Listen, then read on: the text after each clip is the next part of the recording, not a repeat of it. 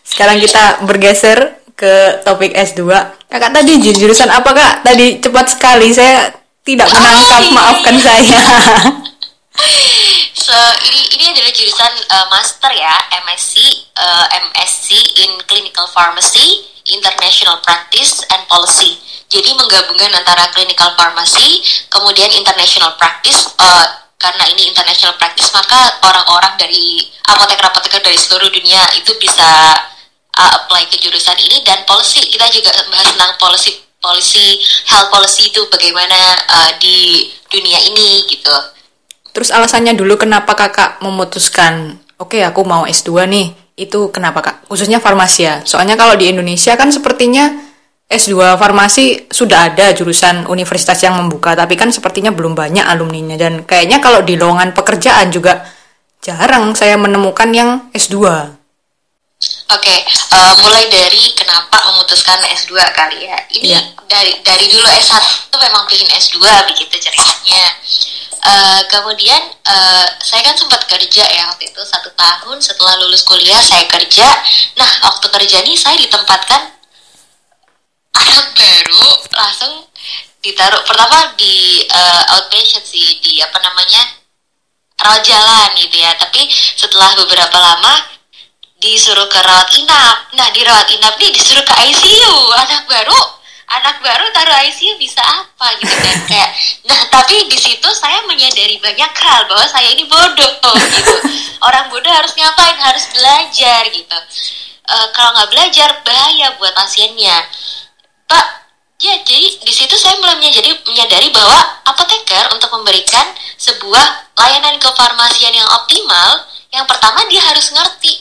E, yang dia harus ngerti tentang apa yang dia nggak ngerti gitu loh. Sehingga kita bisa memberikan uh, sebuah layanan kefarmasian yang optimal gitu. Bagaimana kita bisa mem memonitor bahwa obat itu berefektif dan tidak memberikan side effect itu. Kemudian bagaimana kita bisa memastikan bahwa uh, semua obat-obatan yang diberikan kepada pasien khususnya di ICU kan dia aduh pasti banyak banget kan obatnya. Dari berbagai line, ada yang IV line, ada yang uh, di pump dan itu kayak going on dan di kadang kecampur. Kecampurnya itu apakah mereka kompatibel atau tidak. Kan kita harus memutuskan uh, apakah ini baik dan tidak bagi pasien? Ya ini yang seperti itulah. Kondisi-kondisi praktik di lapangan saya menyadarkan saya bahwasanya ini penting untuk S2 gitu.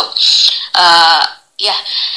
Kemudian uh, kenapa ambil di UCL karena UCL ini kampusnya bagus uh, dan ada jurusan MSc in Clinical Pharmacy dan saya juga nggak hanya membatasi diri untuk belajar clinical pharmacy gitu.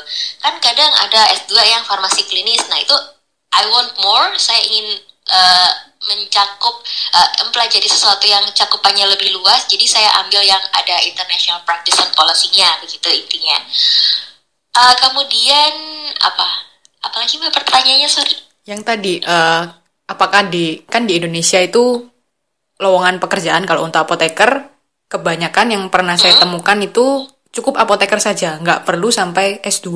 Ada mungkin lowongan S2 tapi mungkin khusus untuk farmasi klinis dan itu pun di rumah sakit-rumah sakit besar saja. Nggak semua membutuhkan itu. Nah, apakah menurut kakak nih, apakah apoteker-apoteker ini sebaiknya ya tetap meningkatkan kompetensinya salah satunya dengan cara S2 atau sepenting apakah si S2 itu kak buat apoteker itu? sepenting apa S2 untuk apoteker? Saya rasa ini juga perlu dilakukan studinya ya di Indonesia ya. Uh, maksudnya aku juga menyadari gap itu gitu loh Mbak. Sudah ada beberapa uh, apa namanya universitas yang membuka jurusan S2. I would say it's quite a lot gitu loh. Ada banyak.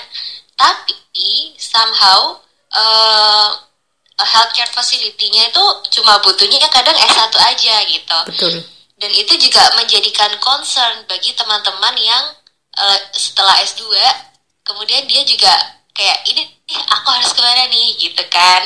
Nah yang membuat aku uh, sampai sini kemudian aku menyadari apa namanya bagaimana sih uh, healthcare facility di Indonesia itu bagaimana healthcare workforce atau kondisi kesehat, uh, uh, tenaga kesehatan di Indonesia itu mereka uh, kita.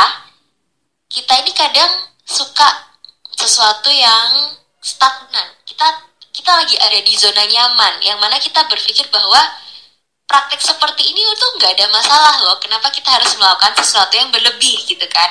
Sementara ketika kita melakukan sesuatu yang lebih baik itu sebenarnya kita bisa mendapatkan outcome yang lebih baik. Misalnya nih aku kasih contoh. Uh, kalau di apa namanya kalau di UK ya sekarang kan lagi di UK aku melihat kalau di komunitas misalnya apoteker di komun apotek komunitas tuh gimana sih? Yang pertama sudah jelas aku nggak bakal bisa beli antibiotik tanpa ada resep dokter. Jadi kayak udah nggak ada prescription. Oh jangankan antibiotik deh, inhaler. Aku nggak bisa beli inhaler kalau nggak ada resep dokter gitu. Kemudian ada satu hal yang menurut aku aku suka itu ada medication review. Jadi orang-orang lansia, orang-orang tua, elderly di atas 60 tahun yang biasanya dapat obat lebih dari lebih dari 15 itu akan selalu ada rutin uh, review dari apoteker. Jadi ini obat mana yang kira-kira dia nggak perlu. Uh, misalnya orang-orang misalnya orang usia 90, apakah dia perlu statin untuk mengurangi resiko kardiovaskular? Ternyata statin itu kalau misalnya dihitung-hitung dia dapat menurunkan resiko kardiovaskular untuk 10 tahun misalnya. Ini ini kisarannya kayak gitu ya. Nah, apakah dia perlu 10 tahun gitu sementara dia udah 90 tahun. Nah, yang kayak gitu itu tuh yang di-review dan apoteker-apoteker ini bakal konsul ke prescriber, ke dokternya. Ini ini kayaknya kita sudah apa namanya melakukan review dan beberapa obat ini kayaknya perlu di-review ulang gitu. Nanti akan ada referral pathway yang jelas jadi sehingga obat-obatnya ini bisa dikurangi Nah, seperti itulah salah satu contohnya. Nah, praktek-praktek yang menurut saya bisa ditambahkan ke fasilitas kesehatan di Indonesia seperti ini, itu akan baik gitu loh. Di Indonesia juga polifarmasi juga banyak kan saya rasa. Nah, uh, apa ya, to level up our current practice itu menurut saya perlu bahwa ada orang-orang yang terpapar dengan masalah ini gitu Nah, dengan melakukan S2, orang kan lebih sadar. Aku nggak, aku nggak, apa ya, aku nggak bicara bahwasanya semua orang harus, semua apoteker harus S2, enggak. Dengan adanya orang-orang yang S2 ini, mereka kan sadar bahwa ada permasalahan yang bisa kita atasi secara met lebih metodologis gitu. Nah, aku S2 ini merasa kita mendapatkan pengetahuan untuk melakukan sesuatu lebih metodologis gitu. Tapi perubahan-perubahan ini juga bisa dilakukan oleh apoteker-apoteker yang sudah berpraktik dan menyadari hal ini, kemudian mereka melakukan perubahan itu juga bisa. Jadi approach-nya tidak hanya S2, approach untuk melakukan perubahan uh, untuk menjadi lebih baik dari pelayanan kefarmasian kita juga bisa dari teman-teman apoteker yang sudah apoteker dan mereka melakukan perubahan itu. Jadi nggak harus S2 banget sih menurut aku, tergantung tergantung pribadinya. Kalau dia pengen S2 dan dia bisa merasa melakukan sesuatu yang lebih dengan uh, pembelajaran yang dia dapatkan why not? Tapi kalau ada orang-orang yang dengan apoteker dengan uh, apa namanya profesi sebagai apoteker tanpa melanjutkan S2 dan dia, dia bisa melakukan perubahan-perubahan itu juga bagus gitu loh. Jadi tergantung individunya aja sih kalau menurut aku. Oke menarik banget nih kak. Terus tadi Iya, karena kalau misalnya dilihat kalau dari pengalaman saya pribadi gitu dulu saya pernah di rumah sakit juga dan ada temen yang S2 juga dia. Tapi jadi kayak di rumah sakit itu apotekernya totalnya misalnya 13. Cuman satu yang S2. Yang 12 ini apoteker semua. Nah, dia itu kayak apa ya? Mungkin dia sebenarnya ingin membuat perubahan tapi kayak dia kalah suara gitu. Ah, iya nah, iya iya. Aku dari tantangan itu karena itu nggak mudah. Betul Terus kayak uh, kalau saya tanya dulu ke beliau gajinya juga ya nggak terlalu jauh bedanya mungkin ya nggak signifikan lah. Sementara biaya untuk S2 sendiri pasti mahal baik di Indonesia iya, maupun betul. di luar. Hmm, betul banget, betul banget. Ya itu sih mungkin masih di ya mungkin sih di Indonesia masih kurang itu ya. Iya gitu. Mm -hmm. Tapi kalau mau aku komparasi ya, Uh, jadi kan di sini aku nggak cuma ngobrol sama orang-orang dari uh, apoteker gitu, aku juga ngobrol dengan teman-teman yang dari STEM misalnya dari bisnis dari uh, bidang bidang lain selain apoteker. Nah, aku melihatnya bidang-bidang lain itu mereka sangat dinamis. Mereka mereka mungkin awalnya mereka tidak menyukai perubahan ya, tapi perubahan itu adalah suatu tuntutan. Misalnya orang-orang STEM uh, perubahan adalah tuntutan gitu. Jadi mereka terus berubah dan mereka juga bisa dihargai dengan adanya pemberian terhadap perubahan tersebut gitu. Misalnya dia kerja 7 jam, tapi dia bisa melakukan sesuatu yang lebih dari itu. Nah, hal-hal yang seperti itu udah mulai dipertimbangkan gitu loh untuk melakukan promosi dan lain sebagainya.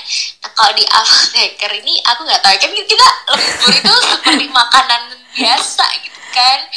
Nah, uh, aku nggak tahu pendekatan seperti apa yang bisa membuat uh, gaji atau intensif kita bisa naik. Mungkin bisa top down top down approach atau juga bisa pendekatan uh, lokal seperti misalnya kamu misalnya kita berpraktik di sebuah institusi kemudian kita bisa menunjukkan bahwasanya dengan adanya intervensi yang kita berikan ini dampak terhadap pasien dan pelayanan secara umum itu bisa meningkat berapa persen nah itu uh, dat, uh, keterbiasaan kita untuk memberikan opini berdasarkan data itu masih kurang.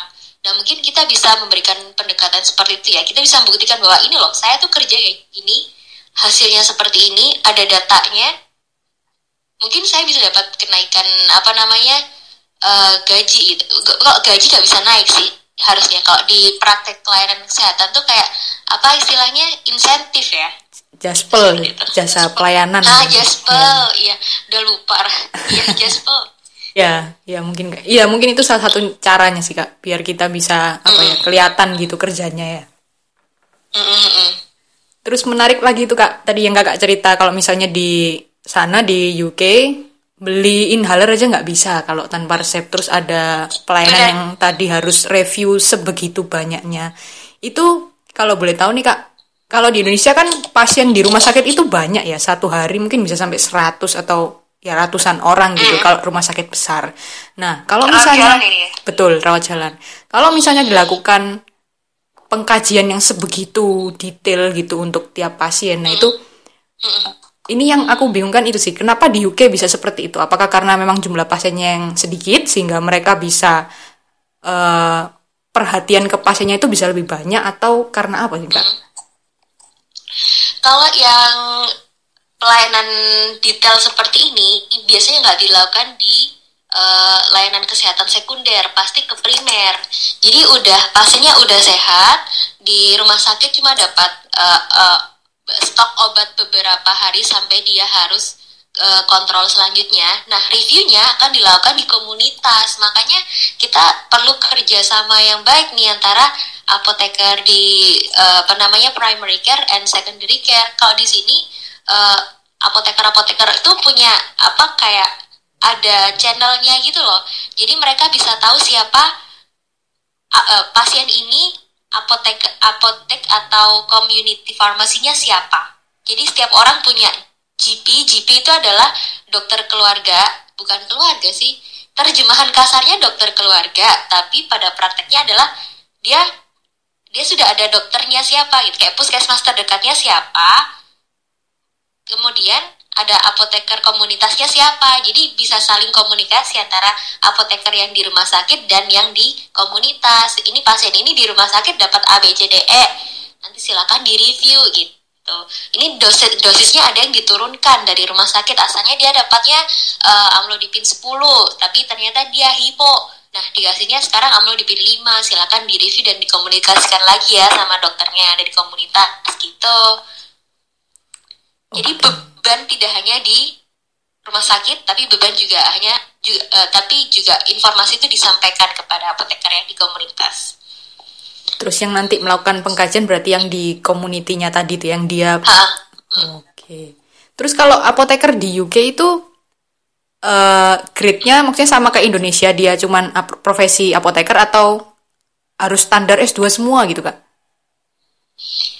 Nah itu yang membuat saya uh, sangat amazed ya sama uh, pelayanan apotek sama profesi apoteker di sini. Di sini tuh apoteker ada sampai apoteker prescriber, jadi mereka bisa meresepkan. Oh tapi, menarik ya.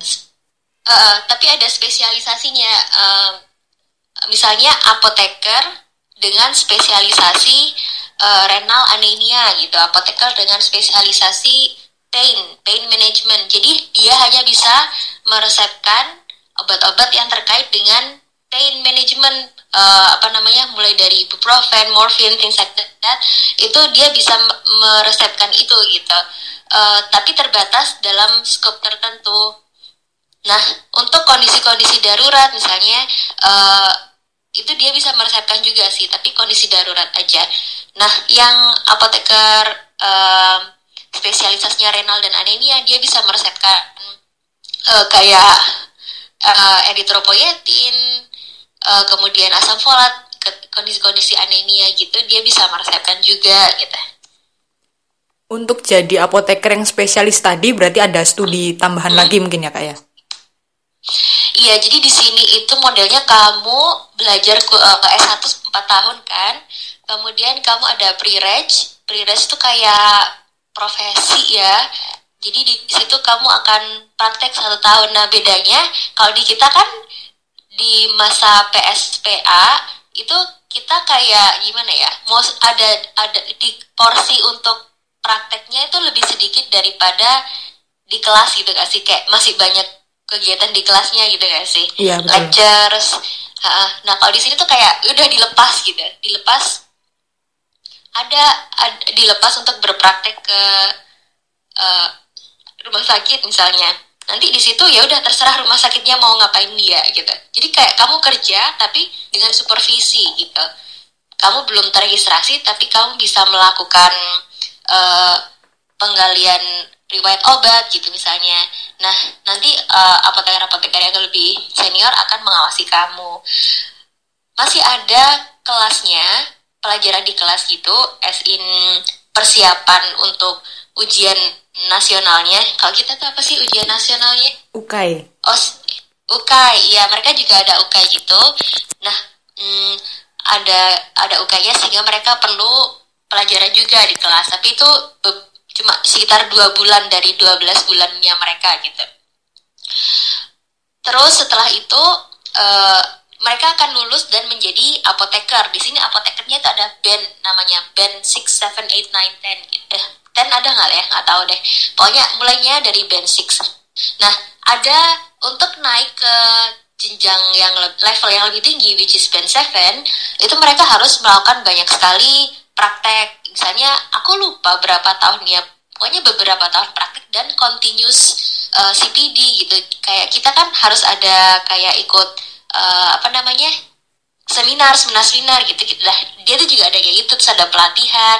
Dan itu membutuhkan waktu yang lama sehingga harus mencapai level tertentu sampai mereka memiliki spesialisasi. Kan pertamanya mereka bakal diputar di rumah sakit kan di setiap setiap wards uh, setiap spesialis setiap spesialisasi. Nah pada satu titik tertentu mereka akan menentukan nih aku maunya jadi spesialisasi uh, eh, ICU for example.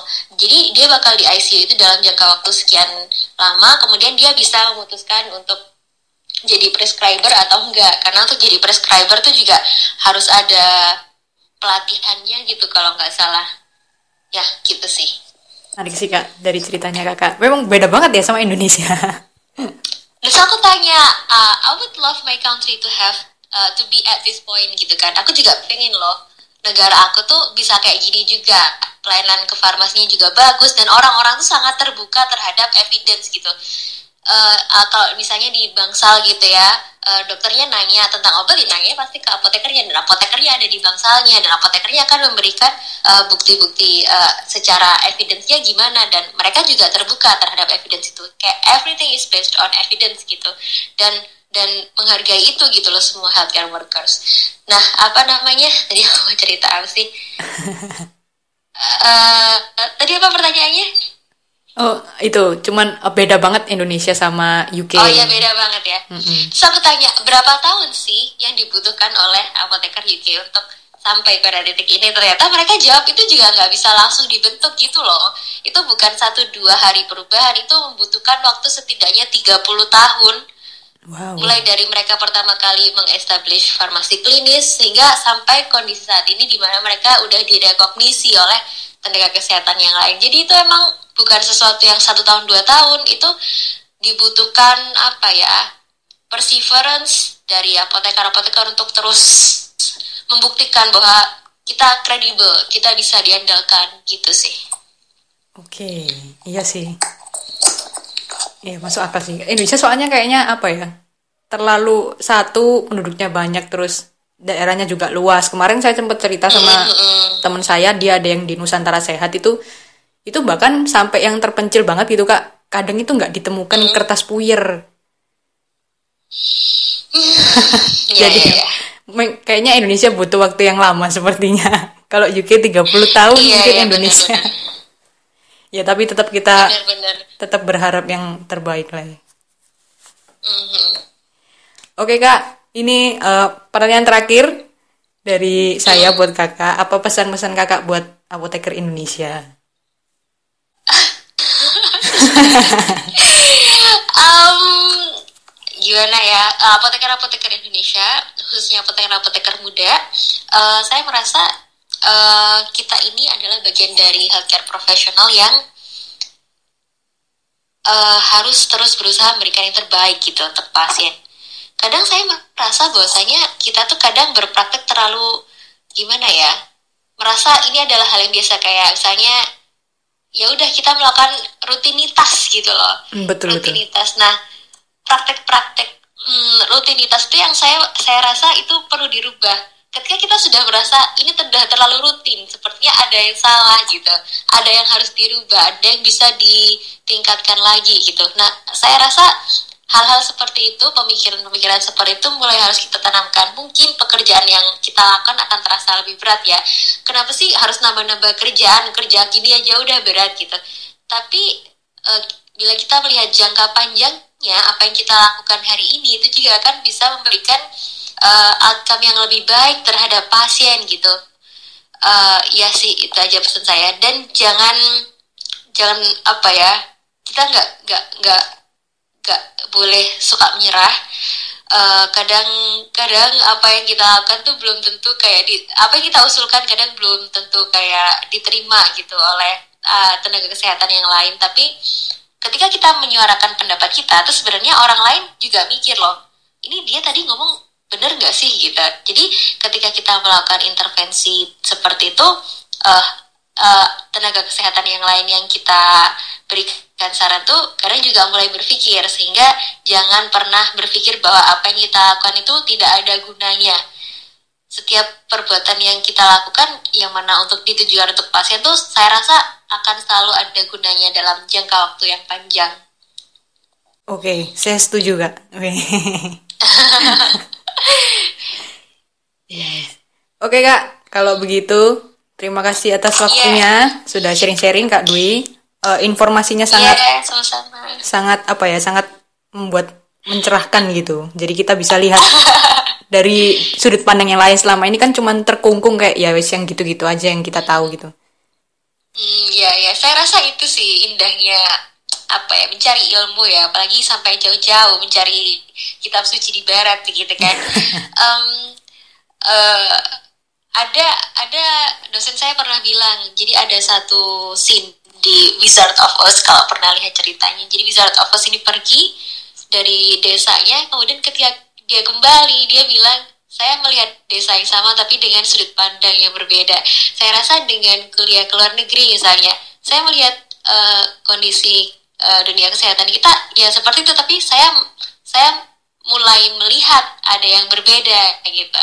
Ada yang kita bisa sebenarnya lakukan dengan lebih baik begitu. Jadi kalau misalnya teman-teman yang mau kuliah ke luar negeri saya akan sangat mengencourage-nya karena dengan seperti itu kita bisa membuka mata kita kita bisa melihat uh, what's going on in other parts of the world tidak hanya dalam rumah kita kita bisa melihat rumah orang lain bagaimana dan dengan seperti itu harapannya kita bisa mengencourage teman-teman yang ada di rumah kita supaya uh, bisa menjadi lebih baik seperti itu. Oke, ya nice. Nice sekali, nice info. nice quote. Yang Wizard of Oz tadi bagus Kak. Iya, iya. Keren. Oke, ya terima kasih lagi Kak Dwi sekali lagi buat waktunya ya Kak. Thank you udah sharing-sharing.